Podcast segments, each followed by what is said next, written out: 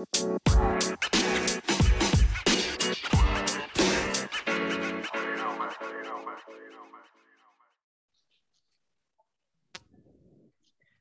og velkommen til nok en episode av Jordbruksbåten. I dag har vi vært så heldige å fått med oss eh, Anders Felde fra Vestland eh, fylke. Du, eh, Anders, du er jo en godt kjent kar i landbruket. For dem som kanskje ikke følger så nøye med og leser Bondelaget, Bondebladet fra A til Å, kan ikke du si litt om deg sjøl og den rolla du har, og hvordan produksjonen du driver med, og hvor i verden du holder til? Eh, det kan jeg godt gjøre. Altså, jeg heter Anders Felde og er da fylkesleder i eh, Vestland Bondelag. Eh, til vanlig så bor jeg på Bjørkjelo og er melkebonde i samdrift. Vi bygde nytt i 2007 og fôra fram alle, alle, alle. Og det vil si at vi, vi fôra oksene fram til kjøtt, kjøtt, kjøttproduksjon. Eh, bor på Byrkjelo, ja. Og eh, vi, det er jo en samdrift som har eh, vært med, eller drevet lenge. Og driver alt arealet i, i samdrifta. Jeg driver ikke noe husdyrproduksjon utover det som er i, er i samdrifta. Så jeg uh, plassert trygt i, i, Vestland. Vi er jo et relativt nytt bondelag etter fylkessammenslåinga. og og har jo et, en stor produksjon i hele Vestland i, i, innenfor det aller meste, eh, men, men, ikke korn. Eller veldig, veldig lite korn i Vestland. Mm. Og, og Byrkjelo, for oss som er fryktelig dårlig i geografi, hvor eh, kan du plassere det litt på kartet for oss som ikke er så godt kjent?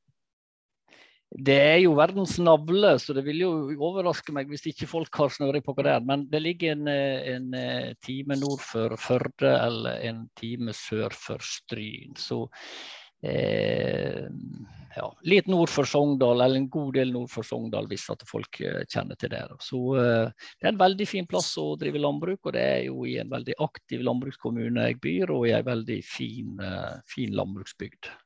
Og vi har jo òg bygd oss store stolthet, som selvfølgelig er Tina-anlegget som ligger i Byrkjelo sentrum. Eller mer eller mindre i Byrkjelo sentrum.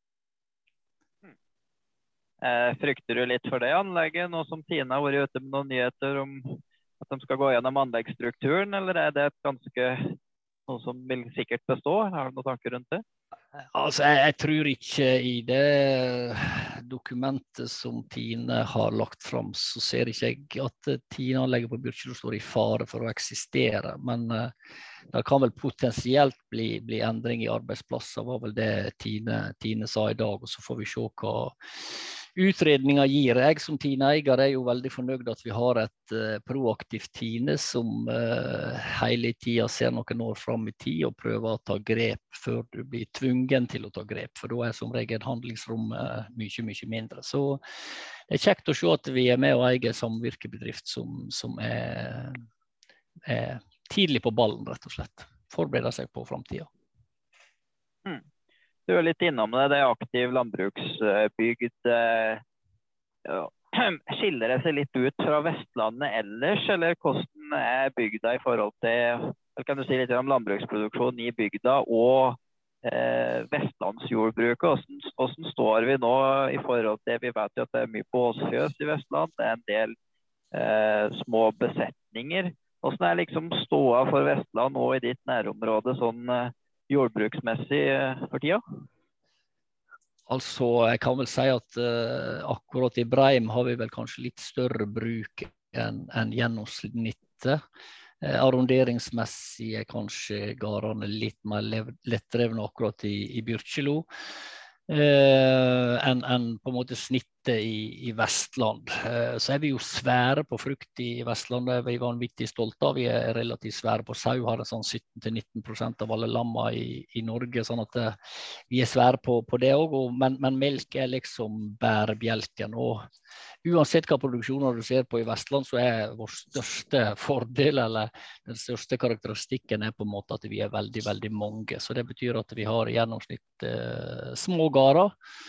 Eh, og så Utfordringa med løsdrift den er, den er, svær. Vi har allerede sånn ca. 60% av volumet i, i løsdrift, men eh, samtidig har vi ca. 600 gårder eller leveransepunkt som eh, ikke har løsdrift. Og det er selvfølgelig en betydelig utfordring. Og, og, Nibio har jo gitt ut en rapport for Vestland, der en har sett litt på hva, hva tenker melkebonden i Vestland om, om framtida. Og der har vel faktisk 19 eh, svart at de vurderer en avvikling i 2024, og totalt 43% har vel svart at de innen inn 2034 vurderer en avvikling.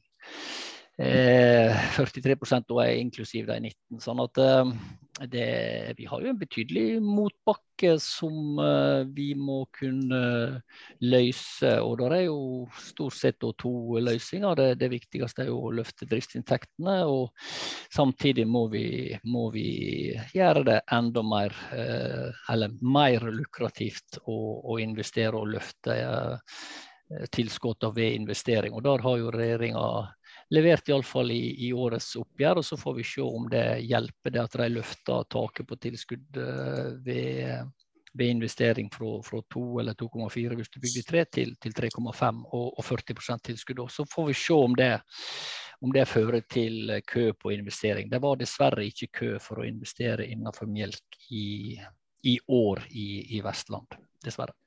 Er det, er det noen tall på sånn cirka hvor mye det vil koste å, å bygge om de båsfjøsa som er i Vestland i dag? Har du noe oversikt på det? Ja, det var, det var gjort uh, noen forsøk på å regne ut det. og Det er klart det, det, har jo litt med hvor mange som blir med videre da. Men uh, jeg husker ikke de, de tallene i hodet. Men på landsbasis er det vel kalkulert til mellom 18 og 23 milliarder kroner, tror jeg, hvis jeg ikke husker feil. I den Nibio-rapporten som kom for en sånn tre-fire-fem år siden, så, så, tror jeg det var anslått til, til så mm. store beløp. Så, så der er jo et uh, betydelig etterslep. og der Mm. Ikke bare Vestland som skriker. Du kan si at Vi har jo på en måte typisk at, at hele, hele, Vestland er et Eh, et distriktsområde med veldig mange små melkebønder. Sånn for det jo, vil jo gjelde for hele distriktslandbruket. Og der er jo eh, melk bærebjelken. sånn at eh, det er nok ille i veldig veldig mange andre fylker òg, så at vi må greie å løse den nøtta rundt uh, løsdriftskravet, det er, er alfa og omega for, uh, for at vi greier å mm. beholde melka mer eller mindre der hun er i, i dag. Jeg tror, jeg tror, mm. alltid det vil bli produsert nok melk i Norge, men, men spørsmålet vil bli hvor den skal produseres i framtida. Ja, jeg er jo veldig opptatt av at det skal lønne seg å bygge om eh, til tilsvarende produksjon som du på en måte har i dag. slik at det, ja. det skjer sånn som du, du sier, da, at vi bevarer den bruksstrukturen. For ja, hvis hvis det ligger an til liksom du sier da, at hver femte bonde skal, eh, skal tømme fjøset sitt, så, så jo det, har jo det store ringvirkninger eh, i distriktet for øvrig òg. Ja. Nei, jeg, jeg, er enig i den analysen at jeg håper at en på en måte kan, kan ta utgangspunkt i, i gardens ressurser. Mm. Problemet vårt er selvfølgelig at uh, hvis det stemmer, den NIBU-rapporten vi sitter på i Vestland, så, så vil uh, veldig mange gir seg uansett. sånn at Skal vi greie å beholde vår relative andel av melkeproduksjon i Vestland, så er vi dessverre, eller da vil vi faktisk være avhengig av at folk bygger hakket større enn det de har i dag. Men, men mm. Eh, det betyr kanskje at uh, veldig mange av de 600 brukere har en snittkvote på pluss-minus 100 000 liter. og Da vil mm. de kanskje måtte bygge for 150 eller opptil 200. Men det, det betyr likevel at det handler først og fremst om å om å gjøre det lønnsomt både å drifte nye fjøs mm. og å investere i nye fjøs på mellom 20 og 30 melkekyr. Selv om det er helt sikkert er de som vil bygge for 12 og 15, og det må vi syte for å bli lønnsomt, så vil nok det være svært avgjørende hva lønnsomhet det er for å drive, å drive med mellom 20 og 30 melkekyr i framtida. Mm. Absolutt. Du nevner jo det her med 2024. Da vet vi at det kommer kalvingsbingepåbud i båsfjøs. Men det er jo også det her med 16 uker beiting. Det blir jo fire måneder. Vestlandet har jo hatt sammen med Møre og Trøndelag veldig mye nedbør i år, og er vel generelt kjent for å ha mye nedbør. Er det noe som påvirker at det er mange som burde gi seg i 2024, tror du? Eh, det er det, og derfor har vi jobba ganske eh, målretta inn mot Norges Bondelag og inn mot politikere for å få endra det fra 16 til 12 uker. Iallfall at eh, det må kunne være mulighet for områder som får 12 uker i stedet for 16 uker. For i veldig veldig mange områder så vil det være ja, jeg skal ikke si umulig, men veldig veldig vanskelig å få til 16 uker. Så eh, jeg tror ikke vi skal legge eh, mer, eh, mer stein til børa enn nødvendig. og da, tenker jeg at tolv uker er, er, litt strengere enn i dag. Eh, og de får enda mer tid ute. Det vil bonden kunne greie å løse med fire uker til, selv om det er en stor utfordring for enkelte. Men, men 16 uker jobber vi for at det ikke skal bli. Det skal iallfall være geografisk unntak i store områder. Ikke sånn at uh, vi tre må søke unntak hver for oss, eller dispensasjon hver for oss, men at du får store geografiske områder som, som får 12 uker istedenfor 16. Så det, det, har vi jobba ganske mye med, og det fortsetter vi, fortsetter vi, med. Per i dag er det litt uklart hva som faktisk vil, vil gjelde. Mm. Uh, du Eh, vi snakker jo om, eh, mye om melk her, selvfølgelig. Du driver jo med melk, og vi er veldig interessert i, i melk. Eh, så vet vi jo det at vi har jo hatt betydelige utfordringer med melkekvoteordningen. Altså etter at du fikk frislipp i forhold til kjøp og salg privat og utleie. Der har jo du vært veldig tydelig og har noen spennende tanker, syns jeg, som er veldig konkrete og og kanskje litt drastiske, vil noen si, men, men nødvendig etter mitt syn. Kan ikke du si litt om hvilke tanker rundt du har det her med melkekvote, kjøp og salg, leie osv.? Ja, eh, det skal jeg gjøre. Bare innledningsvis så, så er jeg jo med i en slags uh, referansegruppe i, i, Norges Bondelag. sånn at det, det, jeg nå sier er ikke uh, er ikke henta fra den gruppa, så det er viktig å på en måte skille mellom det som Vestland Bondelag slash Anders Felde mener, kontra, kontra den referansegruppa. Eh, så jeg sier ikke noe om, om det arbeidet, bortsett fra at det, det, er i god gang. Eh, der er jeg en parsammensett gruppe òg som skal jobbe med dette temaet her. Eh, vår løsning har jo vært først og fremst at vi ønsker å se inn i glasskula hva utfordringer landbruket står overfor de, de neste ti åra. Og vi vet dessverre at mange kommer til å slutte. Eh, det betyr at mye melk kommer til å flytte seg fra en eier til en annen. Eh, og da tror vi det er viktig at de som er igjen i næringa, altså den aktive melkeproduksjonen, eh, får eie en større andel av det som kommer i spill.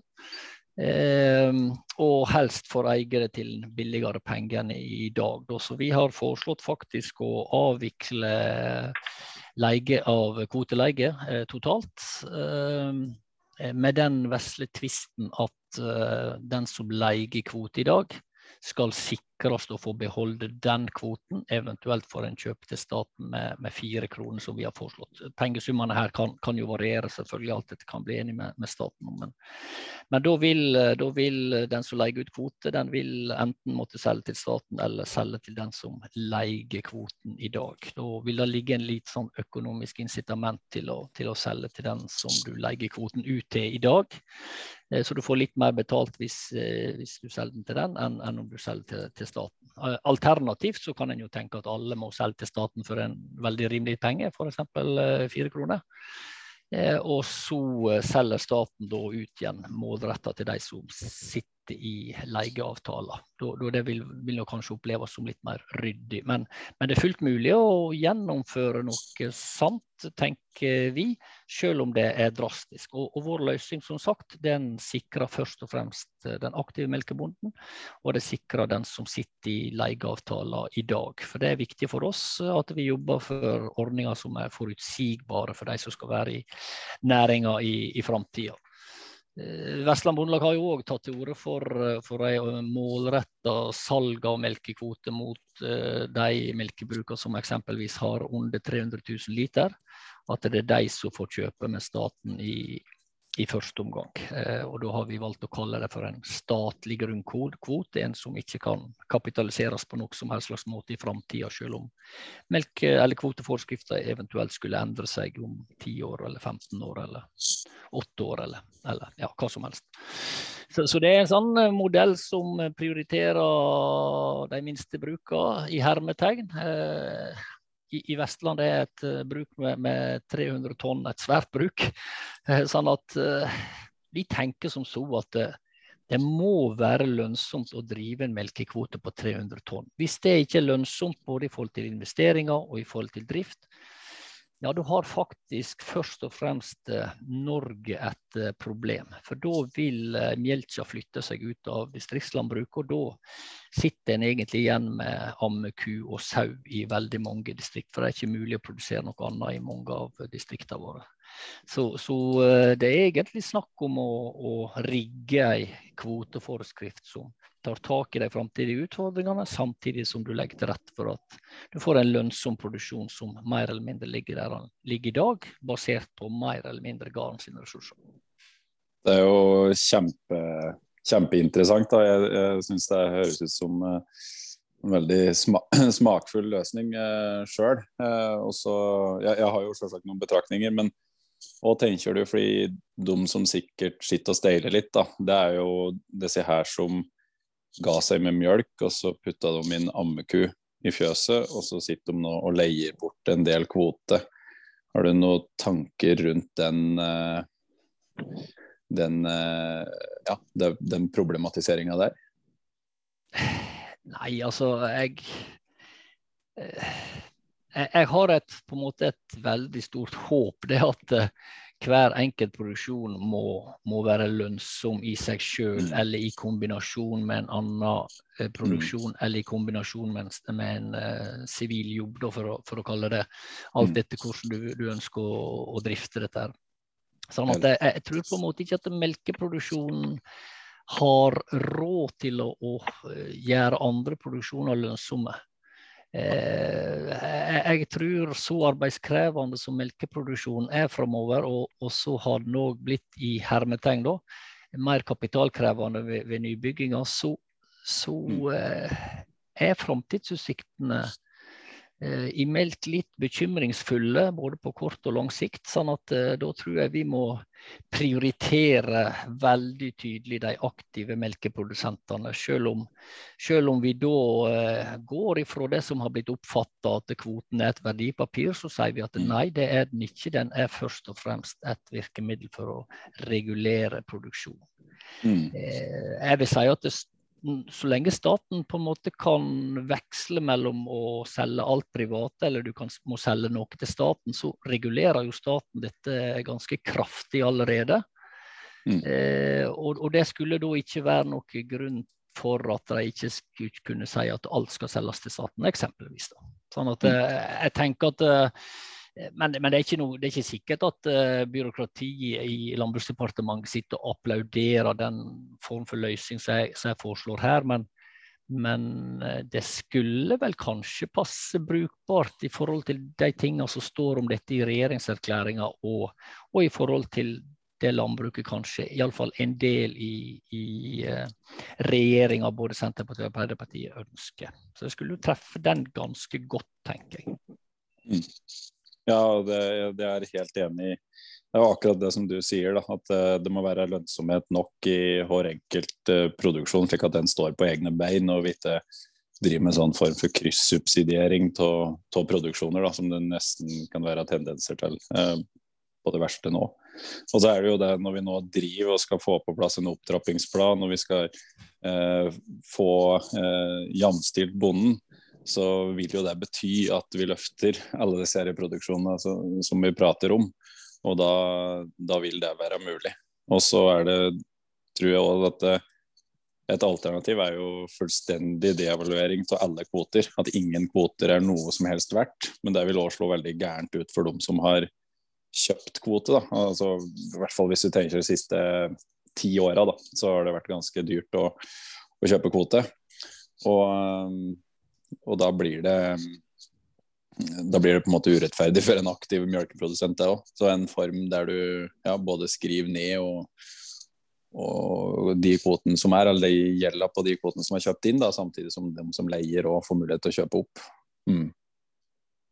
Jeg tror det kan være en, en brukbar løsning. Så finnes det ulike veier til rom. Men, men jeg tror òg kanskje at uh, hvis Senterpartiet og, Arbeiderpartiet ønsker betydelige resultat uh, og betydelige retningsendringer i, i politikk så tror jeg kanskje endring i kvoteforskrifta kan være noe som, som, skriver seg inn i historiebøkene som et avgjørende viktig grep for å sikre produksjonen der den er i, i dag, og, og bidrar til en, en, en jeg, vil, jeg, vil, kalle det en slags betydelig inntektsøke. Eh, for de som sitter i leiekontrakter, så er det klart at eh, kan du bli kvitt den leiekontrakten og fortsatt sitte igjen med kvoten, så vil jo det være et betydelig bidrag til, til, eh, til lønnsomheten òg. Sånn at for meg er det viktig at en i kampen for inntektsvekst og, og for å tette inntektsgap og for jamstilling, så, så eh, må vi på en måte kunne òg se på kostnadene. Og eh, bare en sånn liten digresjon rundt Grytten-rapporten og, og, den eh, modellen til Ruralis. Eh, som, som, snakker noe om at penger går Gir du en krone til bonden så, i tilskudd, så, så får 50, 50 øre ut av næringa. Så, så, så ville et jo sånt grep på kvote uh, iallfall føre til at uh, betydelig mindre penger gikk ut fra melkesektoren i form av, i form av leie. Så det vil nå være et, et, gode å sånn sett møte en utfordring som Ruralis har pekt på i den rapporten sin. Ja, En kjapp kommentar til det. Jeg er helt enig med det du sier. Men den jordmodd som du henviser til der, den den skal vi ikke ta for helt god fisk, i hvert fall. Den jeg tror jeg er betraktelig overdrevet. Eh, den effekten at hvis du putter 16 milliarder inn, så går 8 milliarder bort i noe annet. Eh, men helt enig i det du sier. Men når du er så tydelig på det her med kvote, og jeg må bare si jeg applauderer veldig det du sier. Jeg er jo ofte kjent for å kritisere mange og ikke tørre å tenke og være offensive nok og bare se problemer. Så er veldig glad for at du ser løsningene der. Hva tenker du rundt de andre produksjonene i jordbruket, gitt at vi skal få opp lønnsomheten, behovet for at en har eh, produksjonsreguleringer på andre vis, på sau og svin, og der vi også har utfordringer med overproduksjon hvis du får en økt lønnsomhet? Ja, altså på, på, kort sikt så ser ikke jeg de store problemene på svin, eh, med tanke på at vi er, i ferd med å skal fase ut eh, det som jeg kaller for engangspurker. Eh, så, så, det håper jeg bidrar til, til en viss forutsigbarhet i, innenfor, uh, innenfor, det. Og vi har, vi har jo heller ikke Der er jo en det er ikke lov å gi investeringstilskudd til, til nyetablering. Altså. Så det, sånne ting bidrar jo nok eh, til at jeg tror iallfall på sånn mel kort, mellomlang sikt har vi kontroll på grisen. da. Eh, men det er klart at det stiger lønnsomheten betydelig i, i alle produksjoner. Eh, så vil du sannsynligvis i alle produksjoner måtte gjøre et eller annet først og fremst knytt til nyetablering. Eh, det er jo eh, tema innenfor egg, eh, og, og forhåpentligvis et, et problem som blir tatt tak i på Ja, er i ferd med å bli, bli tatt tak i på en skikkelig måte sånn at en kan gjøre noe med nyetableringer. For det truer jo lønnsomheten i egg allerede i dag, og kan nok bli et problem på gris på, på litt lengre sikt. Da.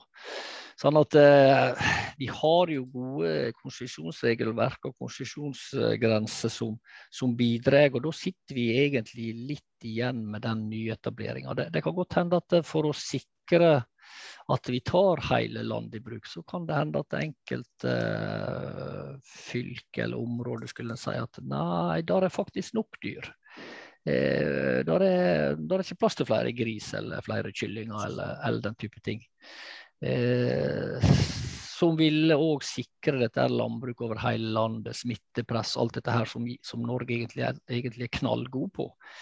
Eh, Minussida vil nok uh, være at vi blir enda mer regulert. Nå er ikke jeg sikker på om det er det store minuset, men det er klart at uh, vi må ikke låse landbruket så vanvittig at det ikke er mulig å starte med noe som helst.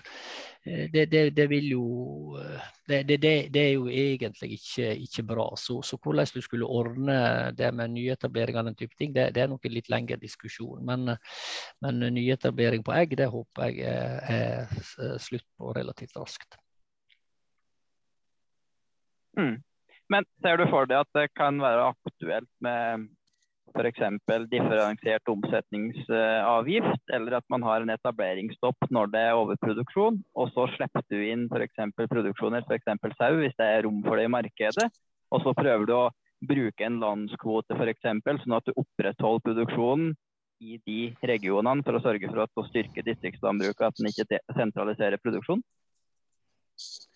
Ja, så du kunne iallfall ha fylkeskvoter sånn sett, og så øke fylkeskvotene òg. Men, men, vi må liksom hele tida dvele litt rundt uh, dette at vi må ikke låse næringa helt. Uh, sånn at uh, akkurat løsningene der er ikke jeg sikker på. Jeg, jeg på en måte har jo håpet at vi skal kunne slippe å innføre kvoter på sau.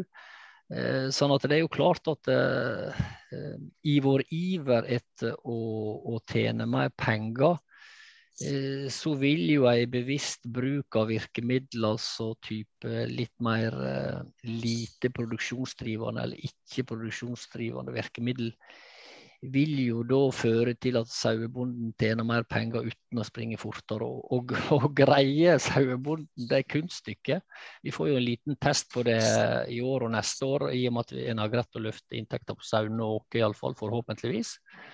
Eh, så får vi jo en liten test på om, om sauebonden aksepterer det at eh, det blir litt mer lønnsomt uten å springe fortere, altså øke produksjonen.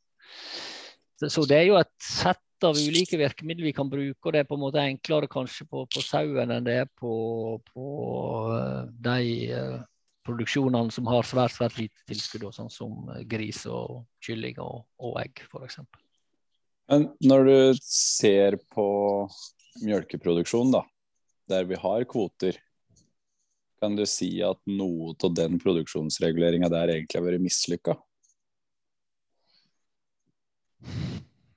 Nei, altså Kvotene har ikke har, har du kan si at Kvotene i sin tid det var et rabalder da det ble innført så, så sant blir store endringer i kvoteforskrifter. Og innføring av kvoteforskrifter det blir aldri rettferdig akkurat når det blir innført, som regel. Iallfall mm. ikke med kvoter på gardsnivå. Men, eh, men uh, Altså vi har jo, vi har jo selv ivra for en større fleksibilitet i, i ordninga. Først skulle vi ha salg til stat, så ville vi ha privat salg fordi at jeg hadde lyst til å kjøpe meg mer opp enn en naboen som ikke satsa. Sånn det, vi har jo selv utfordra regelverket for å ha så stor fleksibilitet som, som mulig. Mm. Eh, og, og, nå har det blitt eh, nå har på en måte det blitt eh, vår egen liten svøpe. Sånn at det, eh, det, er jo delvis vi sjøl som har bidratt til å rigge den, og de minusene med ordningene som vi sitter med i dag. Da og så tenker jeg at vi trenger en litt annen fleksibilitet i de 10-15 åra som kommer, fordi at melkeproduksjonen skal gjennom det jeg tror blir kjempesvære endringer. Vi vet de endringene kommer, og da, må vi rigge kvoteforskrifter til de endringene som kommer. Hadde det vært business as usual og, og ingen endringer i melk i den horisonten vi på en måte kunne se i de 10-15 nye åra, ja, kun, og vi hadde tjent greit med penger, ja, så kunne vi kanskje sagt at ok, fotforskrifta er super, den, den funker fin, der er stor fleksibilitet, alt sånt. Men, men, nå har vi noen andre utfordringer, og vi har noen utfordringer rundt lønnsomhet, og, og, da er det kanskje på tide å gjøre noe. Mm.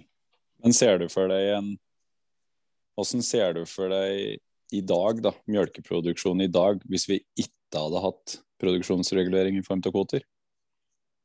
Nei, det, og da hadde vi vært ferdig med norsk kornproduksjon. Og så hadde vi hatt det aller aller meste av melka på Østland og de beste områdene av Trøndelag og de beste områdene av uh, Rogaland slash Sørlandet. De som i mm. dag produserer matkorn, og så har de produsert en fantastisk eh, kvalitet på grovfôret som de ga dyra sine, og, og, hatt det vi kunne kalle for en billig melkeproduksjon. Uh, men det vi da hadde ofra, det er store deler av norsk kornproduksjon. Mm. Ja, det var kanskje en drøy påstand, men jeg tror det hadde gått litt slik. Det tror jeg. Uten reguleringer så sentraliserer norsk matproduksjon seg, og det vil alltid være interesse for å drive med melk og dyr. Eh, og mm. da har de ofra kornproduksjon og slash norsk selvforsyning. Mm. Um, der må vi vel si oss enig vi fra redaksjonen i Jordbruksbåten, absolutt. Så kanskje en konklusjon på det her er jo det at hvis vi skal eh, forvente bedre lønnsomhet, så må vi òg kunne akseptere litt mindre handlefrihet. Um, eh, vi har jo snakka en del i jordbruksbåten her om dette med tollvern. Der har jo regjeringa egentlig vært tydelig i Hurdalsplattformen. Bondelaget har vært tydelig på behov for sterkere tollvern, i praksis prosenttoll, så lenge jeg kan huske. Er du som oss litt skuffa over at det ikke har kommet noe på det? Da? Det er jo tross alt noe som ikke koster staten noen ting. Har du noen tanker rundt uh, hvorfor har det ikke skjedd, og hva, hva skjer, liksom? Nei, altså jeg, jeg, tror og håper at regjeringa hadde tenkt å ta det med i statsbudsjettet eh, for 2023. Hvis, hvis, vi skrur klokka litt tilbake i, i, tid, på et tidlig tidspunkt før sommeren. Men så tror jeg rett og slett eh, de eh, økende matvareprisene eh, jeg tror de har skremt regjeringa vekk fra det sporet som gjelder prosenttoll. Men altså, jeg er like, minst like skuffa som dere. Jeg hadde jo egentlig en drøm om at det skulle komme tekstlige låsinger på, på prosenttoll i jordbruksoppgjøret. Eh, og så skulle på en måte operasjonaliseringa av det komme i, inn i statsbudsjettet for 2023. Men uh, det skjedde ikke, og så kom det heller ikke i Eller det ligger ikke der i dag, får vi da si. Uh, der er jo muligheter at uh, en, en, kan kjempe det inn i, inn i forhandlingene med SV, men det ser ikke ut som, som SV heller har løftet det. Så de økte matvareprisene har sannsynligvis skremt politikerne litt vekk fra, det sporet. Men jeg mener jo at det er alvorlig viktig for å sikre forutsigbarhet for, for, eh, for uh, norsk matproduksjon. Og forutsigbarhet for ei stabil inntekt knytt til matproduksjon, syns jeg òg det handler om. Sånn at det, jeg syns vi i Bondelaget skal kjempe knallhardt for inntekter, men vi må òg få på plass rammeverket rundt politikken rundt, sånn at vi beholder inntekter òg fram i tid. Eh, og i det, i det, hensynet der så, så er jo da prosenttoll overgang til det på, på en del tollinjer helt avgjørende. Eksempelvis på eh, Vi har en kjempestor preferanse på, på norske egg. Eh, men når plutselig det består av eggeplomepulver og den type ting som er innblandinger i, i mange diverse bearbeidede produkt, så, så forsvinner norskpreferansen òg hos industrien, og så importerer vi store mengder av den type ting. Da. Sånn at det, eh, det, kan virke som småtterier, men, men eggeplommer må liksom få en sterkere beskyttelse. Og mange forbrukere vil nok være enig med oss. Eh, sånn at eh, jeg håper virkelig at vi får det på plass i løpet av veldig kort tid. Eh, litt oppfølging på det. altså For eh, noen produksjoner så har vi jo fått et veldig styrka tollvern, spesielt på mjølk. Der er jo melkeprisen stiget veldig i Europa. Mens på andre produksjoner, som f.eks. svin og storfe, der begynner vi å nærme oss faktisk da, at uh, tolltak gris har vel kanskje fire kroner ish opp. da. Uh, men med de kostnadsøkningene som har, og, og også som vi står i, da, så er jo det ganske presserende. da. Hva tenker du på sånn kort sikt i forhold til neste jordbruksoppgjør og sånn for de typer produksjoner som henter mye i markedet, hvis man ikke får på plass nå på toll? Hvordan skal man løse det egentlig da? Nei, skal vi tette inntektsgapet som regjeringa har forplikta seg til, så, så, vil vi, eh, hvis vi ikke får eh, på plass eh, tollgrepa, ja da er det bare én post igjen, eller to poster potensielt. Det er kostnadsreduksjoner eller, eller først og fremst budsjettmidler. Så dette blir jo et valg fra, for regjeringas side. og jeg, Sist en gjorde noe med prosenttoll, det var jo Slagsvold Vedum som gjorde i, i 2012.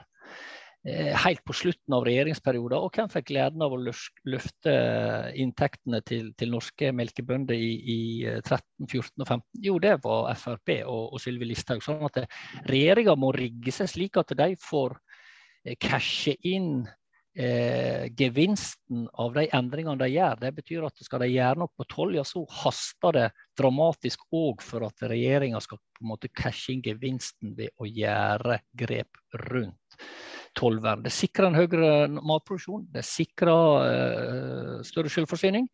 Eh, og det bidrar til eh, lønnsomhet for, eh, for, alle produksjonene som, som, får glede av endringene på, på toll. Og det, det, gjelder jo både eh, kjøtt, helslakt og ost og egg, plommer som sagt, og, og, og, en del innenfor frukt, bær og grønt. Mm. Kan vi være såpass tabloide at, uh, at litt oppsummering er det du sier, at dersom regjeringa nå faktisk ikke gjør tollgrep, så må de faktisk cashe ut, som du sier, i andre enden. Og da er de litt ansvarlig for å satse sjøl i den situasjonen? Ja, jeg tror ikke det er noe sånn eh, Jeg tror det er rett. altså. De har jo selv forplikta seg til å tette inntektsgapet. De har ikke sagt eh, nøyaktig hvor tid, men eh, de må legge til rette for at det er gjennomførbart. Og Da handler det én ting om kroner og øre, men det handler fryktelig mye om politikk. Og i politikk så ligger det markedsregulering, det ligger tollvern, det ligger kvoteordning, det ligger fryktelig mange ting så, som gjør at vi kan lage mer forutsigbarhet for, for norske bønder. Og, og, det koster mindre penger på, på skatteseddelen, og, og eh, sånn sett eh, rimeligere for dem å, å, bruke skattepengene på, på, andre ting eventuelt. Så, så jeg, jeg, tror det blir en kombo dette her med både skattepenger og tollgrep, men, men eh, det haster med å komme i gang med de grepene. Mm du penser oss jo litt inn på et annet tema vi tenkte å ta opp, og det er jo nettopp det her med den jamstillingsplan. Så vet vi jo der også at den er utsatt. Vi vet ikke til eh, når.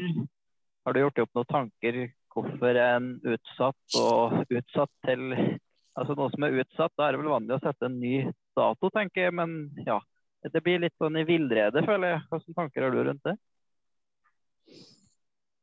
Nå er jeg ikke tett på regjeringa, sånn sett, men uh, jeg, jeg, tror kanskje de tenker som så at de ønsker ikke en opptrappingsplan på plass før uh, Grytten-rapporten har vært eh, behandla enten Eller rettelse før det er slått fast et inntektsnivå i, i norsk landbruk.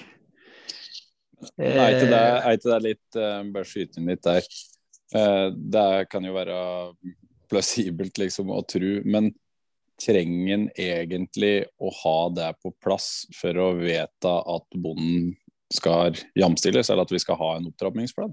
Nei, en... nei. nei? Det, jeg, jeg, er 100 enig med deg. Så jeg, jeg tenker at den, den opptrappingsplanen burde vi virkelig ha hatt men jeg er ikke nok inn i gangene der til å vite om de har starta arbeidet. For det er jo et betydelig arbeid som vil måtte gjøres i regjeringa for å få på plass en sånn plan. Fordi iallfall jeg mener at du må ha en relativt brei inngang, fordi det handler om veldig mange politiske områder som, som må gjøres en jobb på. Eh, og mm. Det handler om mange produksjoner, ulike grep i de ulike produksjonene for å sikre at dette skal kunne skje på, på sikt. og sånn at det, eh, Eh, jeg er litt, eh, litt bekymra. Eh, Iallfall hvis at de liksom gjør som jeg tror, da, som jeg sa i stad, jeg, tror de venter litt på konklusjonen i forhold til inntektsnivå. Eh, så jeg er bekymra. Men eh, jeg er enig med deg. Jeg mener det er bare å klinke til å få på plass en opptrappingsplan. Vi vet det er et inntektsgap som skal tettes. Vi vet ikke nøyaktig hvor stort ennå. Eh, men det er et betydelig inntektsgap som skal sikres. Og, og, de har gått ganske langt i flere element i, i regjeringserklæringa. Så her er det egentlig kort sagt å få ut fingeren og begynne å levere på politikk. Og det kunne en sånn opptrappingsplan vært en viktig, viktig del ut av kan kommentere det så vidt. Sven Arne Lie han har jo sendt en forespørsel om nettopp der, om den planen er i gang. Og Der bekrefter jo LMD at det ikke er satt i gang noe offisielt arbeid i forhold til den, den planen. Dessverre. Anders, du hadde kanskje et oppfølgingsspørsmål der, du? Ja, altså Det som bekymrer meg egentlig, er jo eh, den her tidshorisonten. Eh, for det òg har jo noe med Du prata jo i stad òg i forhold til hvem som høster frukter av de, den uh, politikken som blir uh, vedtatt. Og hvis en tenker Vi er jo flere nå, og, og meg spesielt sikkert, som har fronta mye tall. Hvis du skal ha en, en opptrappingsplan eh, som sittende regjering på en måte høster flest eh, frukter ifra, eh, så er det betydelig beløp som skal på, på plass. Og hvis du nå har en utsatt opptrappingsplan nå, eh, og så skal du vente på noe som kommer ut ifra Grytten, da skal vi kanskje vente på ei stortingsmelding. Har de noe særlig mer enn et år att, egentlig? Eller har de egentlig hatt noe jordbruksoppgjør til å få gjort noe som helst? Eh, de har jo heldigvis noe jordbruksoppgjør igjen å levere på, da, men uh, Med opptrappingsplan, altså? Med opptrappingsplan? Ja. ja. nei, de har dårlig tid på å levere på uh, jordbruksoppgjør som del av en opptrappingsplan. ikke sant? Sånn at mm. Eh, Iallfall hvis at en da skulle i større grad Eller jeg mener at regjeringa i større grad da ville kunne se flere oppgjør i en slags sammenheng, ikke sant. Eh, og politikk eh, Eh, vedtak på politikk eh, imellom jordbruksoppgjørene. Det, det, er ingen fordel, etter min mening, for uh, landbruk at, at jordbruksoppgjøret nødvendigvis inneholder ekstremt mye prinsipielle ting rundt politikk og landbrukspolitikk, fordi at det kan lett binde oss til masta. Og det er jo på en måte Det er selvfølgelig regjeringa klar over òg, og de ønsker vel sånn sett at, at å plassere mye av politikkutforminga òg i jordbruksoppgjøret. Men det, generelt sett så er jeg litt sånn skeptisk til det. Og, og ønsker på en måte Skal landbruket ha handa på rattet, så, så, bør vi utfordre dem på politikk og politikkendringer imellom jordbruksoppgjørene. Og, og at jordbruksoppgjøret i, i, større og større grad handler først og fremst om, om inntekt. Eh, det vil gjøre handlingsrommet vårt Eh, større og kraftsamle rundt det som har med inntekt å gjøre. Men eh, hadde jeg sett meg i Sandras sine sko, så, så, hadde jeg jo selvfølgelig tenkt, tenkt motsatt av det vi i landbruket tenker. Men eh, jeg syns det er viktig med politikkutforming mellom jordbruksoppgjøret og ikke nødvendigvis i jordbruksoppgjøret. Ja, jeg, jeg, tenker i hvert fall som så at vi har jo en veldig god regjeringsplattform. Historisk god, egentlig. Det kan vi vel faktisk bruke om, om den. Eh, og det virker som at ministeren egentlig ikke har fått de virkemidlene hun trenger for å følge opp den regjeringsplattformen. Eh, og da er det egentlig Hvor er det vi ser denne Når er det vi skal begynne å se denne her politikken, da? Som, er, som, som, du sier ikke skal være i jordbruksoppgjøret, men men eh, et eller annet midt imellom. Jeg egentlig, føler egentlig bare jeg har hørt at vi utsetter og utsetter og venter på et svar. Og når vi først har fått et svar på det, da må vi vente på mer høringer osv. osv. Det, er, eh, det er litt sånn handling, da. Som, men det, det, er mulig det er det som er politikk. ja, men, men altså, jeg, jeg syns iallfall uh, du, du sier at regjeringserklæringa er historisk god. Det, det er en oppfatning jeg òg deler langt på vei. Eh, og så syns jeg òg det at eh, det er ikke tvil i at regjeringa leverte et veldig veldig godt eh, jordbruksoppgjør. Ja, vi har alle en våt drøm om at det skulle vært enda bedre, men, men, men jeg tror at vi må innse at det var veldig, veldig, veldig bra. Og så trenger vi noen slike til. Eh, og det er òg fullt mulig å gjennomføre uten en opptrappingsplan. Sånn det, eh, men jeg hadde ønsket en opptrappingsplan var på plass. Men, men uansett hva, hva, neste års hva vi får gjort liksom, i det dryge halvåret som gjenstår før, eller halvåret som gjenstår før neste jordbruksoppgjør, så er det fullt mulig å, å eh, løfte inntektene i norsk landbruk selv om en ikke hadde blitt enige om inntektsnivå, eh, hva inntektsnivået er på forhånd før neste års jordbruksoppgjør, selv om det ikke ligger en opptrappingsplan, er det fullt mulig å kraftsamle og løfte inntektene i norsk landbruk òg eh, i neste års oppgjør. og det det tror jeg norsk matproduksjon og norsk uh, selvforsyning er, er, avhengig av, rett og slett. Ja. Du, du, sier jo det at vi har hatt et veldig godt Eh, jordbruksoppgjør. Da, og vi vet jo at i forkant av dette her, så har vi jo fått en del det har vært tilleggsforhandlinger og kompensasjonsordninger osv. Hvorfor er vi da i den situasjonen som vi er i dag. Nå var det vel senest i, i går. Eh, eh Jimming var ute og pratet om en plan opp imot eh, eh, finansinstitusjoner for å redde bønder i likviditetsskviss. Var det egentlig så bra? Jeg mener det var bra, men det er nok òg slik at det var ikke bra for alle. Da kan jeg sikkert peke litt spesielt på de som har investert tungt de siste fem åra. De har det tøft stort sett, tenker jeg. Eh, både likviditetsmessig og, og, ikke minst det å få gjort innkjøp når de skulle gjøre innkjøp. Eh, det er dyrt å ikke ha penger på konto, eh, f.eks.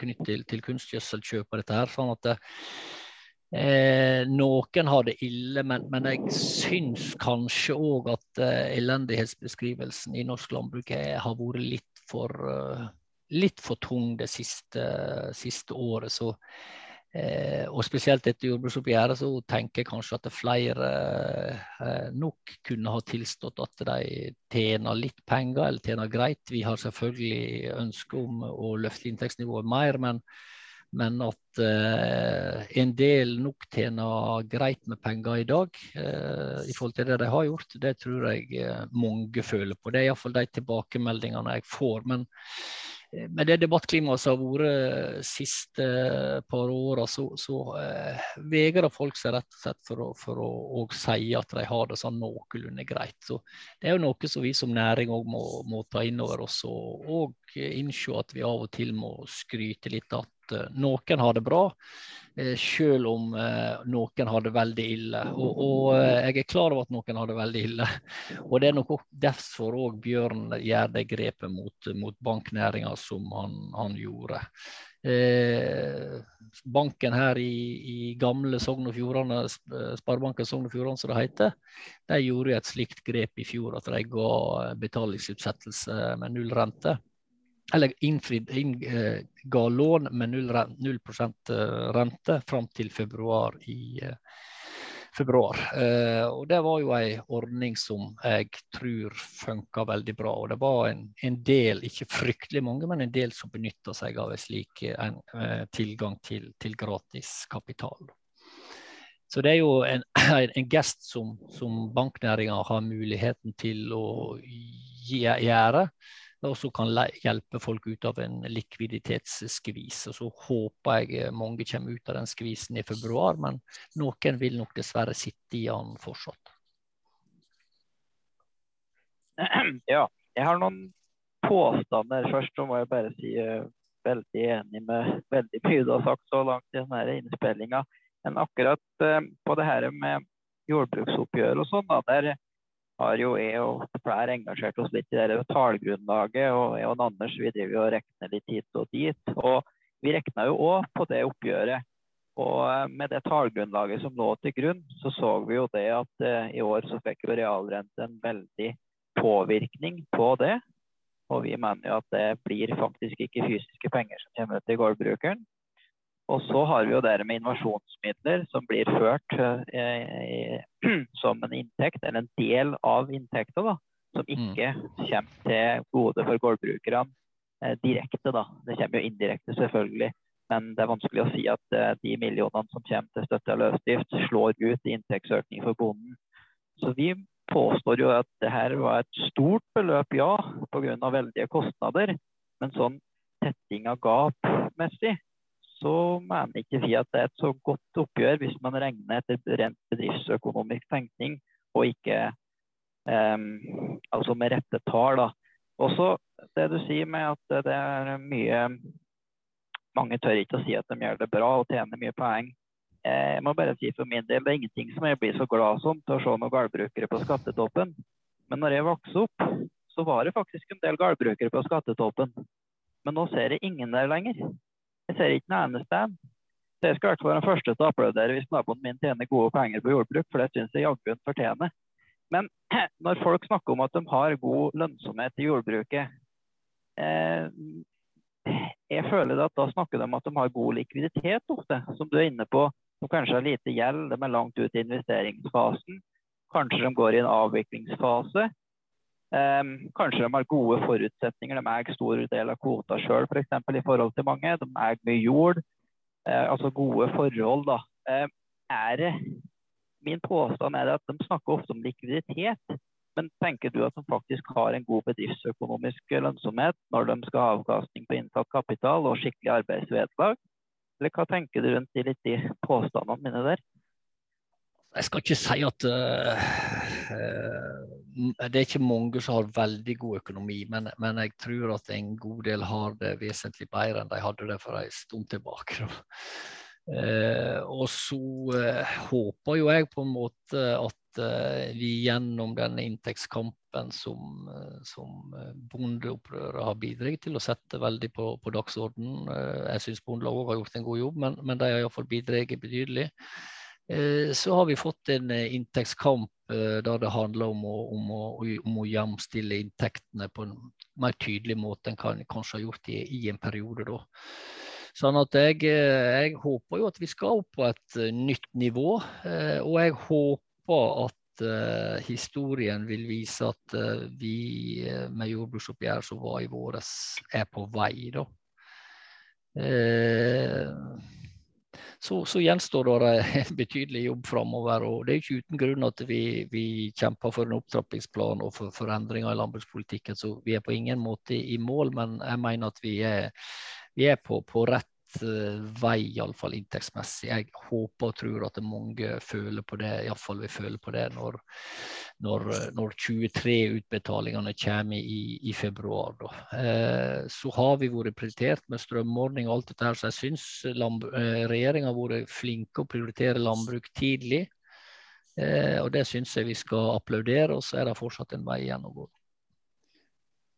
Jeg tenker jo som så at eh, det er jo veldig Altså, fra tidligere så har det jo egentlig vært motsatt. At det har nesten vært tabu at, du, at det er ingen som har turt å sagt at du har dårlig råd.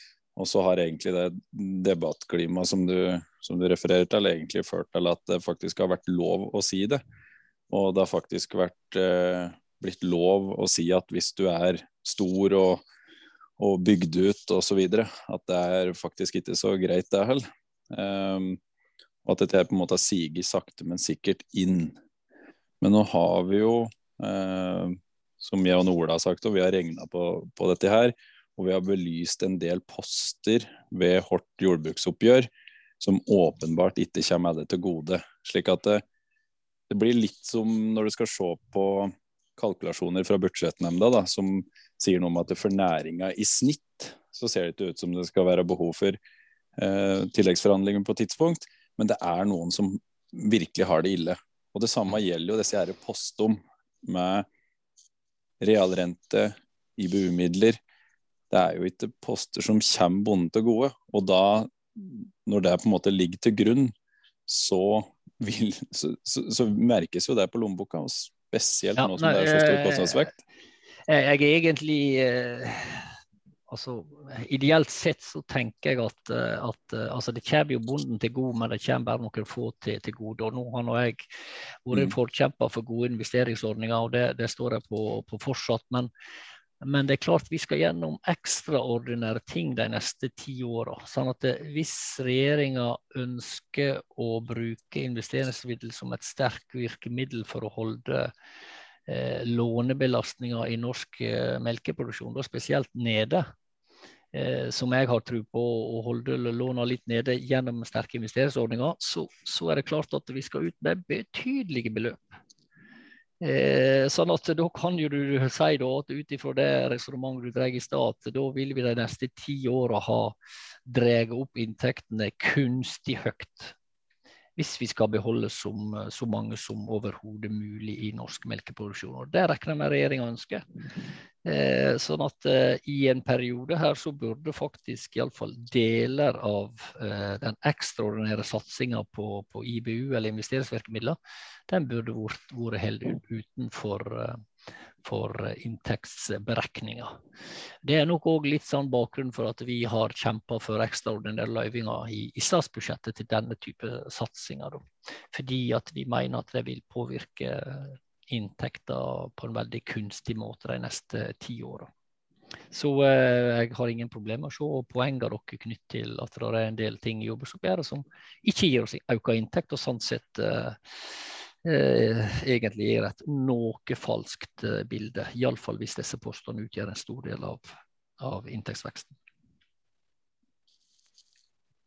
Da, da, sa du faktisk det som jeg tenkte å, spørre deg om, så jeg datt litt av tråden, for jeg hadde et spørsmål klart. Men du, du oppsummerte det egentlig veldig godt. Uh, godt sjøl at uh, han må ta ut de tingene uh, av tallmaterialet som ikke sier noe om bondens inntekt. Om det er investeringsmidler eller klimatiltak eller, eller, hva det er, så kan ikke det puttes inn i tallgrunnlaget. For da får du en kunstig høy inntekt både på som sier noe om hva gapet er, altså et kunstig høyt gap, og du får en, en kunstig høy tetting av gapet fordi du bruker samme tallmateriale til å tette. Så det blir som dobbelt dobbelt eh, eh, ille.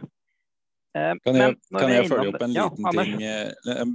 Bare en liten ting. for at jeg har jo regna en del på dette her med IBU-midler, Anders. og Du har sikkert sett jeg prøvde å messe litt om det. Men, men, det er jo jeg, jeg, tror jeg har blitt misforstått mange ganger. fordi jeg ønsker jo virkelig å synliggjøre hva som skal til for å, å, bygge om alle disse fjøsa som er eh, i Vestland. da. Derfor jeg bl.a. satt opp noen regnestykker på hva det vil si å, få investeringsstøtte og med forskjellig eh, kapitalstruktur. da, Forskjellig belåning og, og egenkapital osv. Og poenget mitt her er jo det at jeg ønsker jo vestlandsbonden vel. Og det er jo ikke bare det at jeg ønsker vestlandsbonden vel, men jeg har jo veldig mange andre rundt meg her sjøl på Østlandet som òg har båsfjøs som skal bygges om.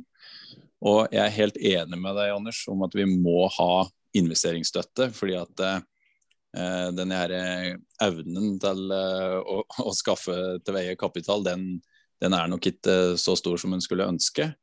Men vi må få på plass en større kontantstrøm altså på inntjeninga for at den investeringa skal lønne seg.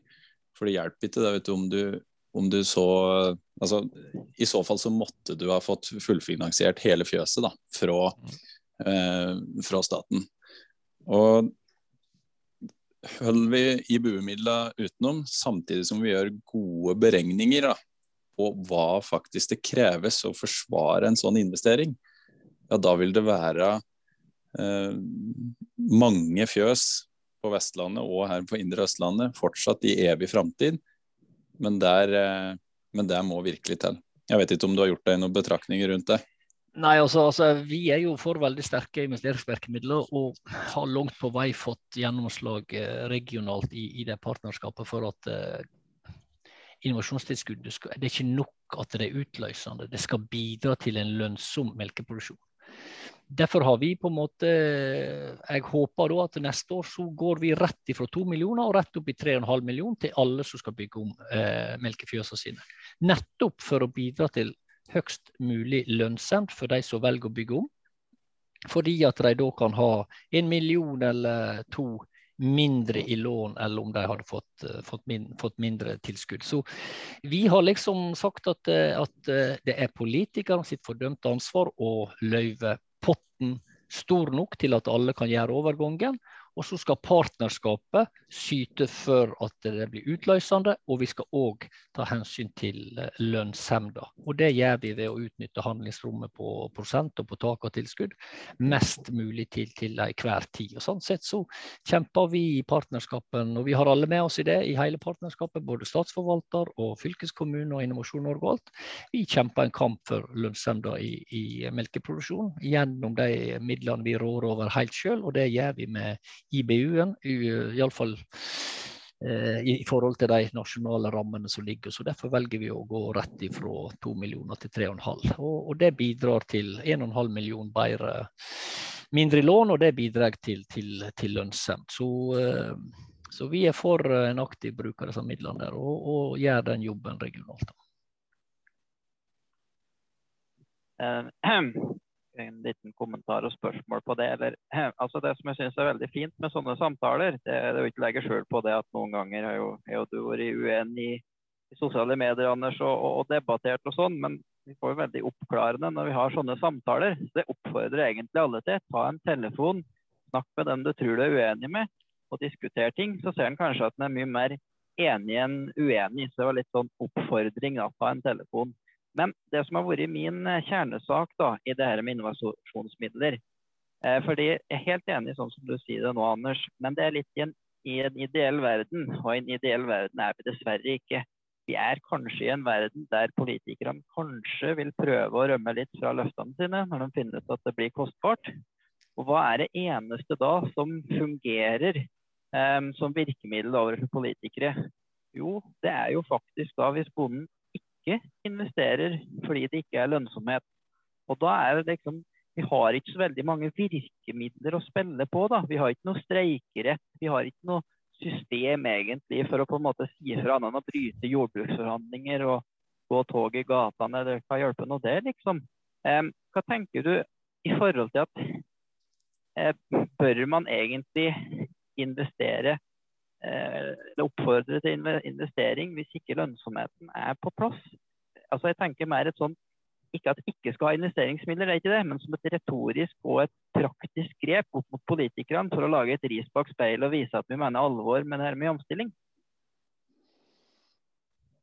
Altså, det er et vanskelig spørsmål fordi at uh, veldig mange hos oss de uh, må beholde full jobb for å få fjøsinvesteringer til å lønne seg. Er det rett? Nei. Men skal jeg gjennom å kommentere ting her si at det de har gjort er helt feil, eller dømme de nord og ned? Nei. Det, det finner ikke meg i. Sånn at jeg applauderer alle som strekker strikken i manges øyne altfor langt for å, for å, fortsette som melkebønder. Det syns jeg er fantastisk. Og så må vi som faglag legge oss i selen og kjempe knallhardt for, for bedre lønnsevne framover. Så derfor så, så, sier jeg at eh, kjempebra, selv om de strekker strikken langt, selv om de fortsetter i en jobb utenfor bruket, selv om de uh, sånn sett eh, i hermetegn subsidierer melkeproduksjon i, i, noen år. Og så skal ikke jeg garantere, men jeg skal iallfall stå på så lenge så jeg har muligheten for å, for å bidra til bedre, bedre lønnsomhet. Så, så eh, å oppfordre til noe investeringsstopp i, i, noen av produksjonene så lenge det er ønske og vilje om å gjøre det, og så lenge det er et ønske om å fornye næringa, så kommer jeg til å applaudere det, selv om lønnsomheten i en del prosjekter er lavere enn uh, veldig veldig mange kunne, andre kunne akseptere. Da. Men vi skal selvfølgelig gjøre knallhard jobb for å bedre, bedre lønnsomheten. Så må vi huske på at uh, Politikerne har jo, eh, det er jo de som styrer dette her først og fremst, og så prøver vi andre å medvirke og påvirke. Eh, de ønsker et mer klimasmart landbruk, eh, så derfor vil sannsynligvis en del av inntektsmuligheten òg være knytt til, til, det i, i tida framover. Så det er veldig lett å sitte her og si at nei, alt som har med klima, alt som har med investering, det skal holdes utenfor. Ja, ja, det kan jeg prinsipielt være enig i, men det er veldig vanskelig å få til. Så vi må nok godta at det blir en del av jordbruksoppgjøret, og kanskje at en del av inntektsmulighetene er knytt til, til akkurat det. Det, det, sperrer ikke for at hver enkelt produksjon skal være lønnsom. Men vi må òg forstå at eh, politikerne har et ønske om å utvikle slash endre landbruket. Og Da må vi se om, om det er muligheter for oss som faglag å, å, være med på det og bidra til det, vi òg. Eller om vi skal liksom sette oss på vår høye eh, hest og, og, protestere og slå i bord og ha null medvirkning. Dette er jo på en måte det som ofte kaller det litt sånn pragmatiske bondelaget, som jeg egentlig er, er stolt av å, å, være en del av. For en viss pragmatisme må en ha inn i dette eh, for å ha mest mulig handa på, på rattet og rattet. Selv om det ofte kan være fristende å falle tilbake på det prinsipielle standpunktet. Men mener du Det er jo vondt å drive, når man skal drive og prate om enkeltindivider osv. Jeg tror kanskje Ola mener mer på, på sektornivå. At vi, må, at vi, må, sette litt sterkere kluter til og faktisk være klare på at dette her er ikke lønnsomt eh, slik det er i dag. Og at det på en måte kan bli litt sånn eh, ja, litt sånn tvetydig da, når du på en måte samtidig stimulerer til å investere i noe som ikke er lønnsomt. Og så skal jeg prøve å forklare det litt videre. Jeg hadde vel egentlig mye av den samme, samme diskusjonen med, med han eh, Egeland, var det den het, han eh, styrelederen i, i Norsvin, i forhold til IBU-midler. Fordi så klart, det er, jo, det er jo tilfredsstillende på en måte å hjelpe noen som har en drøm om å investere i et fjøs og fortsette drifta osv. Men dette her handler jo om følelser. Og nå mener jeg at det, vi er jo faglag ikke sant, som skal jobbe med dette, her, og da må vi tenke fag. Og da, Om det så er djurhelse på ei ku, eller om det er kønndyrking, så må vi òg tenke fag når det kommer på økonomi. Og det har aldri vært slik at eh, å få litt hjelp eh, til å investere i, et, eh, i en eiendel gjør automatisk en produksjon lønnsom. Fordi det handler jo om netto kontantstrøm. Altså hva er det som skal ut her, og hva er det som kommer inn? Og hva er det jeg da har igjen til å sørge for at jeg tjener inn igjen den investeringa. Og jeg har prøvd å vri tatt et enkelt eksempel på det her. At veldig mange deltidsbønder, da, eh, spesielt oppi her, tenker at eh, ja, nå skal jeg investere, i en, investere i en snøfreser, for jeg har litt tid til overs. Eh, og da skal jeg ta på meg litt brøyting. Og da er det alltid målet at du skal, du skal tjene inn igjen den snøfreseren. Alle har en formening om det, å tjene inn igjen noe. Det vil si at eh, brukte jeg 100 000 på den snøfreseren, så er de 100 000 tilbake i løpet av så og så lang tid, gitt de kontraktene jeg får meg. Men hvis du nå investerer i et fjøs da, til 7, 8, 9, 10 millioner, jeg vet ikke hva det ligger på nå, hva er beregning om da til faglaga for at det, når skal du ha tjent inn at det? Slik som det er nå, og det er fra mitt ståsted og, og, og det jeg har regna på, så finnes jo ikke det. Uh, nå ble det et veldig langt resonnement, men jeg skal avslutte med at det her med løsdriftskravet f.eks., som du antyda var en eller annen plass mellom 18 og 25 milliarder, det er jo noe som er pålagt bonden å investere i. Det blir like eh, dumt, vil jeg tørre å si, som å si at en, en snekker da, som kjører en gammel high-ace og er fornøyd med det, han blir pålagt å kjøpe en Mercedes eh, Vito, og så skal han få 20-30% investeringsstøtte til den, men han får ikke lov til å ta noe mer for de timene som han driver og snekrer. Tror du det er noen snekker som ville ha akseptert det? Nei, men, eh, men, det er klart at uh, vi er jo en politisk næring, og en ønsker på en måte ikke å konkurranseutsette alle melkeprodusenter i et slags fritt og åpent marked. Da hadde vi liksom vært ferdig for lengst. Ja, men, nei, men de, de, de, så, sånn at, sånn at skal, skal, vi liksom, skal vi liksom ha eh, Skal vi kunne få nyinvesteringer på 100-200 tonn, så, så, mener jeg at det trengs sterke investeringsvirkemidler. Ellers er det ikke håp om å få det lønnsomt. Sant? Da kan du like godt pakke kofferten. Det, det vil ikke være lønnsomt på lang, lang, lang tid. Det kan jeg love deg, dessverre.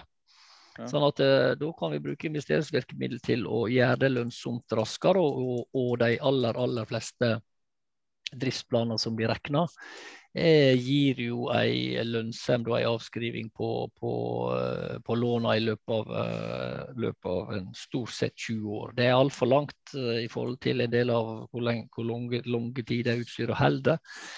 Eh, men, men, det er mulig å, å rekne hjem igjen, iallfall. Og jeg må på en måte stole på de uh, utrekningene som, som uh, rådgiverne gir der. Og de fleste som holder driftsplanen og forholder seg til de forutsetningene som ligger inne i driftsplanen, det er iallfall de tilbakemeldingene jeg får, de, de, de presterer og hakker bedre enn driftsplanen stort sett. Da.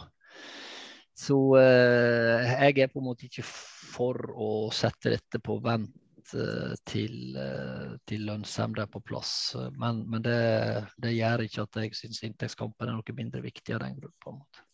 Nei, det, men jeg må bare presisere det.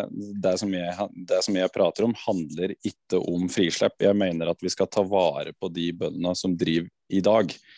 Eh, og hvis holdninga vår skal være at det, dette her kommer ikke til å bli lønnsomt på mange, mange, mange år, da er det Vi får huske på det at det, det vi prater om nå, det er også få familiefedre og -mødre da, eh, på min alder, tidlig i 30-åra, som har forsørgeransvar for unger, til å legge ned sine egne penger, ta opp lån og sørge for at eh, betjeninga av den, den blir, den blir, jo da veldig vanskelig, som du sjøl sier.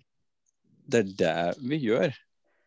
Og er det på en måte Er det riktig av oss å gjøre det? Altså, Jeg motiverer jo folk til å investere, så, så dessverre, i dine, dessverre, i dine øyne sånn, så, så, er det jo det jeg driver med. For at jeg har ufattelig tro på uh, norsk matproduksjon generelt og norsk melkeproduksjon spesielt. Uh, vi skal gjennom store endringer, og stort sett så har vi mista halvparten av melkebøndene hvert 10-15 år eh, de siste ti åra. Så det sier meg noe om at lønnsomheten må opp. Eh, og, og, den eh, kampen lover jeg å bidra til at vi blir fullenda på et eller annet tidspunkt. Jo før, jo heller, for å si det på den måten. Så, så jeg, jeg, er på en måte ikke Jeg skjønner hvor du vil, men jeg er ikke helt enig i, på en måte, i, i det resonnementet. Og, og, hvis at jeg eh, som bondelagsleder går ut og sier at det er ikke lønnsomt, stopp alle investeringer til, til dess uh, investeringer bærer seg sjøl på, på, på driftsinntektene, Eh, den dagen for mange bruk på Vestlandet. Det blir fryktelig lenge til den, til den kommer. Og, og, Derfor trenger vi sterke investeringsvirkemidler, og inntektene håper jeg vi skal greie å løfte så fort som mulig. Eh, og Derfor eh, jubler jeg for alle som velger å investere i norsk melkeproduksjon og norsk matproduksjon generelt sett. Mm. Vi er vel veldig enige i eh, målet. Lønnsomhet og bevaring av alle gårder, og at vi har naboer og lys i fjøsene. Og så er vi kanskje litt eh, uenige på hvordan vi skal få politikerne til å faktisk eh, få det her til. da. Det vil kanskje utfordre til eventuelt en neste podd å tenke på er det andre sterke retoriske virkemidler vi kan bruke da, for å oppnå det samme, annet enn litt det som jeg dro opp. For det kan jo finnes andre ideer og muligheter. Det er jo kanskje noe vi kan prøve å og tenke på i fellesskap i næringa. Hva er det vi kan eh, hva er det vi kan bruke som et maktmiddel eller pressmiddel, eller hva vi kan utvikle god retorikk. da. Jeg vet ikke om du kan være enig i den eh, oppsummeringa rundt eh, det med innovasjonsmidler og sånn. Nei, altså vi, vi, kan Som næring kan vi være sinte og arge innimellom, men, men uh, vi er òg avhengig av at uh, forbrukerne heier på oss. Da har det vært en betydelig endring de siste 10-15 åra. Eh, F.eks. fra tida far min uh, var bonde. Da fikk vi fingeren når vi jaga kyrne på fjellet. fjellet. Nå ligger folk med videokameraene ut og, og roper at uh, de skulle gjerne betalt ekstra for å få oppleve noe sånt. Sånn, sånn det, vi har en holdningsendring og en heiagjeng blant forbrukerne som bønder på 80-tallet hadde misunt oss, og det skal vi òg forvalte. Eh, det betyr at, eh, at, eh, vi må kunne være sinte og tydelige innimellom, og så må vi kunne være blide og ha framtidstro noen dager etterpå. Det, det, er liksom dette her, denne balansegangen som er vanskelig eh, i vår kamp for, for bedre rammevilkår. Og så er det, er det vanskelig på en måte å være positiv og snakke til 14-åringen som skal få lyst til å bli melkebonde eller eplebonde eller, eller hva som helst. Eh, samtidig som vi kjemper for å få politikerne for, for å, til å forstå at, at uh, vi må løfte inntektene for å sikre nasjonen nok mat i, i framtida. Det, det, er en, en syltynn uh, balansegang og, og, en vanskelig balansegang. Men, men, vi prøver på en måte etter beskjedne beste evne å gjøre vårt beste til å balansere den kommunikasjonen. Mm. Ordla meg kanskje litt rotete, men det jeg tenkte var litt sånn, ikke nødvendigvis svar for det med en gang, men at, at, du og vi som alle er engasjerte, kunne liksom tenke litt fremover. Hvordan skal vi utvikle en annen type retorikk enn den jeg foreslo, da, for å faktisk ha noe, noe et pressmiddel mot, uh, mot politikerne. Det var litt, litt mer uh, sånn jeg tenkte. Um, ja, tida går jo fort her, så mye en vil snakke om, og vi er jo så engasjert, både du og jeg. Men vi pleier å ha med noen sånn uh, korte, kjappe spørsmål òg. Vi er jo veldig opptatt av at det blir et mer prinsipielt riktig tallgrunnlag. Altså, vi har jo tatt, Du er jo husdyrbonde og har vært det lenge og vet jo utmerket godt at det arbeidet foregår til alle døgnets tider. og Gjørseltrekket stopper midt på natta og kalving året rundt osv. Eh, vi har jo tatt til orde for at man må sammenligne seg med skiftarbeider, fordi vi mener at eh, eh, andre, mange andre yrkesgrupper de er jo på vaktordning. Men eh, når du eh, har fri, så har du jo en bakvakt eh, egentlig bestandig når du har dyr. Har du gjort opp noen tanker om det er en riktig måte å se det på, gitt uh, vår arbeidssituasjon? Altså I forhold til de uh, arbeidsoppdragene eller uh, som, som Grytten-utvalget fikk, så er vel arbeidstid jeg har dessverre sett minst på, beklageligvis, Ola. Eh, så, så, jeg har ikke reflektert så veldig rundt beste levekårsfordel, tenker jeg, er historie. Det er sånn steinaldergreier. Eh, så mm. den kan vi rydde av, av, banen. Og så er jeg på en måte jeg, jeg, har ikke tenkt så veldig mye på det med arbeidstid og hva vi egentlig skal dette ned på. da. Så, så jeg har jo sett den uh, dissensen uh, Håvard Bjørgen har, har tatt i utvalget. og Eh, måte, det, det, er lett å være enig i at, eh, at, det går i den retning, men jeg eh, skal òg være så ærlig at jeg tror kanskje ikke det er det viktigste punktet i, i denne her Grytten-rapporten og hvordan den skal håndteres framover. Men jeg er på en måte åpen for innspill når det gjelder arbeidstid. mm. Da spiller vi oss litt inn på kanskje siste spørsmålet vi har, litt, som vi ofte stiller. Eh, det viktigste som du sier med Grøten-rapport, er jo det her med, med kapital og kapitalavkastning, og synliggjøre den i sektorregnskapet. Sånn at du faktisk muliggjør at du har arbeidsvederlag lik andre, og du har en avkastning på innsatt kapital. Um, nå er det jo sånn at Grytten har jo konkludert med at eh, det bør man ikke gjøre. Vi mener jo det da, at da blir det umulig å oppnå faktisk at du får en avkastning på innsatt kapital.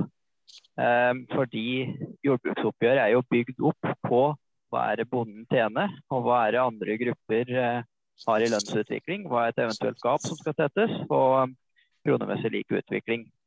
Og hvis du ikke hensyntar den all kapitalen, både fremmedkapital og egenkapital, så vil du umulig da synliggjøre det finansieringsbehovet som er. Um, og gitt at du skal inn i en investeringsfase, selv om du kanskje får investeringsmidler, så må du jo kanskje ofte putte inn litt egenkapital, enten ved egeninnsats som er vanlig, eget skogsvirke eller oppsparte penger, arv osv. Hva tenker du om viktigheten av det er at det faktisk er lønnsomt å investere i norsk jordbruk? At uh, du har en avkastning eh, ved å investere i norsk jordbruk? Eh, altså Du sa innledningsvis at det var det viktigste i Grytten-rapporten. Altså, da er, nok jeg at uh, identifisering av inntektsnivået uh, tror jeg uh, er det viktigste. Men, men, men, det er jo en litt annen diskusjon. I forhold til kapitalen så jeg har ikke Og jeg ber på en måte de som hører på, selv at jeg ikke ønsker å påvirke noen i noen som helst retning. Vi skal ha dette i styret i, i neste uke og i to omganger i veka deretter. sånn at men det er jo verdt å dvele ved mine tanker kanskje likevel. da Eh, når jeg ser på iallfall den eh, kapitalen som kommer, kommer fram, eller bokførte kapitalen som kommer fram i, i totalkalkylen, så eh, hvis du regner den i faste kroner, så ser det vel ut at den har gått nedover. Altså egenkapitaldelen av det har gått nedover, nedover, så er det svakt stigende nå. Den store store endringa de siste 30 åra er først og fremst eh, at vi låner veldig, veldig mye mer penger. Eh, sånn at jeg skulle på en måte ønske at det var et enda større fokus rundt eh, lånegjelda. Hva kan vi gjøre med den for å få synliggjort eller godgjort eller få treffbare, få treffbare virkemidler knytt til det. da. Eh, sånn at jeg, jeg, har vært litt sånn eh, litt sånn skeptisk til altfor stor fokus på, på kapitalavkastninga for, fordi at eh, jeg ønsker ikke at bonden skal tenke som så at, at staten gir meg avkastning, og, og, da er det bare å dytte på uten, uten mål og mening. Sånn at jeg, jeg har vært litt sånn skeptisk til det. Eh, og iallfall hvis vi mister virkemiddel rundt eh, priskontroll, eh, odelslov, fordi at vi i hermetegn herjer litt med kapitalen. Eh, altså jeg skriver, eh, skriver eh, verdien av gården ned når jeg selger den eller slash gir den til en av ungene mine, eh, og de skriver opp igjen verdien, så, så, kan du si at du herjer litt med kapitalen og kapitalberekninga i, i næringa. Hvis, hvis det skulle bli konsekvensen at vi mister en del av disse virkemidlene der, eh, så vil eh, jeg falle ned på at, at, eh, at da får vi beholde Da får vi kanskje beholde dagens resultatmål. Men, men samtidig så, så, deler jeg på en måte standpunkter rundt at kapitalen, det å ha kapital i norsk matproduksjon, det burde selvfølgelig lønne seg i seg sjøl. Eh, og, og eh, så, så, så, jeg er på en måte delt, for jeg ser jo òg at, at jeg, skulle vi få gjennomslag, skulle vi få politisk gjennomslag for avkastning av kapitalen og deling av resultatmålet, så, eh, så ville vi få en større ramme. Eh, og så er det vel òg rett, sånn som, som Grytten på en måte har oppsummert med, at eh, i dag er ikke der eh, politisk uh, vilje, eller har ikke vært politiske, nok politiske penger og nok penger i næringa til, til, å gi godtgjørelse for begge deler. Så, så, jeg syns det er litt uh, trøblete og har ikke helt konkludert. Men jeg forholder meg selvfølgelig til det årsmøtevedtaket vi, vi har rundt disse tingene. Sånn at det, det, er litt sånn syns det er litt uh, vanskelig sak. Og det er klart uh, Hvis vi gir uh, kapitalen en avkastning, og det blir satt av en pott penger til å gi den avkastning i jordbruksoppgjøret, og, og, det vil føre til at de, kapital, de mindre kapitalkrevende produksjonene, sånn som type sau og, og frukt, og, og normalt sett små gårdsbruk har mindre kapital avkastning, og det skulle liksom bli et fordelingsspørsmål i jordbruksoppgjøret. Og veldig mange av eh, gårdsbrukene i distriktene, og iallfall i mitt område som er store på sau og frukt, ville, ville tape. Så, så jeg er eh, usikker på om det er rett vei for norsk, uh, norsk landbruk. For husk at, at, vi mangler på en måte en forståelse i dag for at vi, vi fordeler pengene utover. og så er ikke det nødvendigvis slik at vi treffer Vi prøver jo å treffe veldig målrett òg.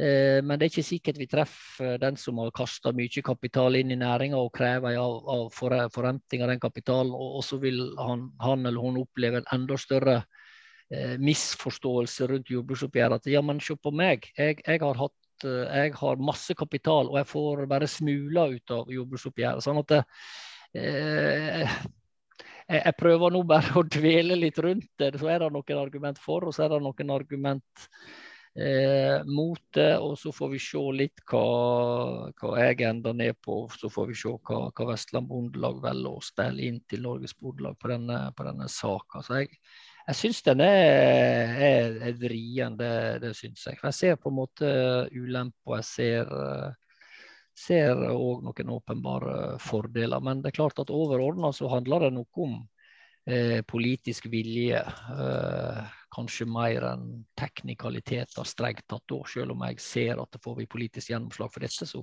så vil det gi større ramme. Ja, det var et litt langt eh, resonnement i alle mulige retninger, da, men, eh, men, eh, ja. Ja, bare en kjapp kommentar og så et kjapt spørsmål på det. Altså Du nevner politisk vilje. da. Hvis vi bare la oss nå si at dette er teknikaliteter, da, så forholder vi oss til systemet sånn som det er ca. i dag. da. Og så sier regjeringa at de ønsker at vi skal sammenligne oss med industriarbeideren, som var gjort på 70-80-tallet. Ja, da vil det jo si at hvis du beholder dagens resultatmål, da, så plusser du på 40 000 til da, etter det som har fremforhandla inntektsnivå i jordbruksoppgjøret. Da er vi jamstilt, da. Så da er ja, landbruket redda hvis vi ikke forholder oss til teknikaliteter. Og så eh, ja. Ja, jeg, jeg, ser den. Jeg har ingen problemer med det. Og, og, og, sånn sett kan du si at, at Grytten har brukt eh, mye tid og krefter på å finne og berekne inntektsnivået hva, hva, hvordan skal vi komme fram til inntektsnivået, og, og, kanskje har han brukt mindre tid på å reflektere rundt uh, og det, det, det, det, er det vi bruker jordbruksoppgjør, ikke sant? inntektsnivå. Eh, og resultatmål. Men, men, men, hva slags inntektsmål skal vi ha når vi skal sammenligne oss med andre grupper? Det er klart at vi har kapitalkostnader. Eh, vi, er, vi, har blitt en litt mer kapitalkrevende næring, og, og sånn sett eh, trenger vi en større, større, inntekt enn gjennomsnittet av andre grupper, eller iallfall enn industriarbeiderne. For å, for å nyinvestere og, og, og, ha et framtidig landbruk. Så, så, det gir jeg deg sånn delvis rett i, rett og slett. Og så nevner jo dere med priskontroll, som går, går under konsesjonsloven. Um, du nevner jo det at du frykter at vi kan miste det, men blir ikke det egentlig helt omvendt? Fordi at det vil jo være i regjeringens interesse å holde kapitalen i jordbruket nede? Ja, ja, ja, ja det, det, det, det, ser jeg. jeg. jeg. håper du har rett da. Jeg, jeg, jeg er bare litt redd for at uh, la oss si at enkelte vil tenke som så at, at kapitalen får dere godgjort. Så om kjøp av gårder blir dyrere, så får dere uansett i hermetegn godtgjort den kapitalen. Eh, sånn, sett, sånn, sett, vil eh, landbruket i noen sine øyne tåle høyere, en høyere kapitalkost. Eh, og eh, Eh, gjennom det at vi får avkastning på kapital, og at det er en del av resultatmålet. Sånn at jeg, jeg er litt redd den sida. Jeg sier ikke at jeg nødvendigvis har rett, og at uh, det nødvendigvis blir slik, men, men, enkelte vil kunne argumentere i den retning, da. Tror jeg. Men, men, da kan jo vi være uenige, Ola. Her er det jo litt for og imot her. Og som sagt så ser jeg både fordeler og ulemper. Men, det, men dette kan jo jeg bare ta litt i forhold til dette der, for jeg føler meg vel litt som har litt sånn faglig alibi akkurat rundt dette der med avkastning, eh, ettersom jeg har studert finans. Det er jo mange som uh, sier at sånn BI-tankegang er farlig for norsk uh, jordbruk osv. Vi hadde jo en, en podkast her med, med Grytten sjøl, der han tok opp akkurat de samme betraktningen som det du sier nå, i forhold til skjevfordeling mellom kapital osv. Og så bruker vi vel ca. et minutt på å forklare hvordan det kunne gjøres. Og så sier jeg at eh, da faller den argumentasjonen i grus. Og han kvitterer. Ja, da faller den i grus. Men det er ikke det faglaga og andre organisasjoner osv. prater om når vi prater om kapitalavkastning. Så Grytten har jo til og med sjøl kvittert på at det her er det metoder for å sørge for at den fordelinga blir rettferdig.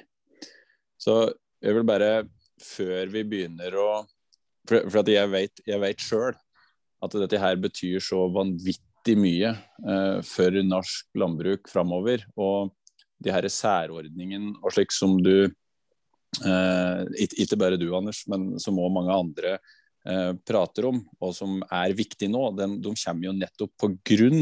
Av den dårlige, eh, den dårlige eh, lønnsomheten som er. Og disse altså tilsvarende ordninger finnes jo òg i andre næringer, og, og på aksjeselskapnivå osv. Så, videre. så det er så det er så viktig at hvis vi da skal begynne å prate om det, så må vi se hva slags andre goder er det vi stiller det opp imot. Eh, og så er det viktig, jeg har jo da eh, også synliggjort dette her, hvordan dette her kan løses. Og det er veldig mange som ikke setter seg inn i hva det betyr at du har en eh, Jeg har jo da brukt referansebruka, som da fortsatt er en fordelingsnøkkel, og som jeg mener fortsatt skal brukes som en fordelingsnøkkel. Vi må for all del aldri komme fram til at dette her skal være, dreie seg om enkeltbruk. Den som mener det, den må være klin hakka gæren. Og det er ja, det er veldig bra, for det, det, er veldig viktig at dere sier òg, for at det er en del som misforstår det. Ja, jeg tror det. Eh, og, som Ringo er misfornøyd med jordbruksoppgjøret for at det traff ikke meg. sant? Ja, ja. Eh, og, og, det er da det er litt vanskelig, for at en, en driver faktisk på et litt mer overordna nivå, og så, og så bruker en referansebruker til å treffe så, så, så, du sier, så godt som mulig, på en måte. så dette, her må, dette her må være på sektor, og det, og det, det, det jeg har sagt. og Derfor så, så, er det ikke sånn at en, eh, eh, Anders Klemon og Anders Felle kan spekulere i å, å, låne opp for å få en høyere egenkapitalavkastning. Det, det, det, er på ingen måte det det handler om. og Jeg trodde egentlig Jeg regner med du er kjent med innspillet med et enstemmig Eh, Innlandet Bondelag, eh, som spilte fram denne her type modellen for å synliggjøre det. Og jeg tror muligens vi ikke har eh, Tror du òg, ut ifra det du sier nå, at vi kanskje ikke har fått muligheten til å synliggjøre og tygd nok på hva dette her er. Og så er vi eh, i stedet for å faktisk dykke inn inn da, og, og spørre hvordan dette her vil fungere, så har vi heller valgt å avfeie den.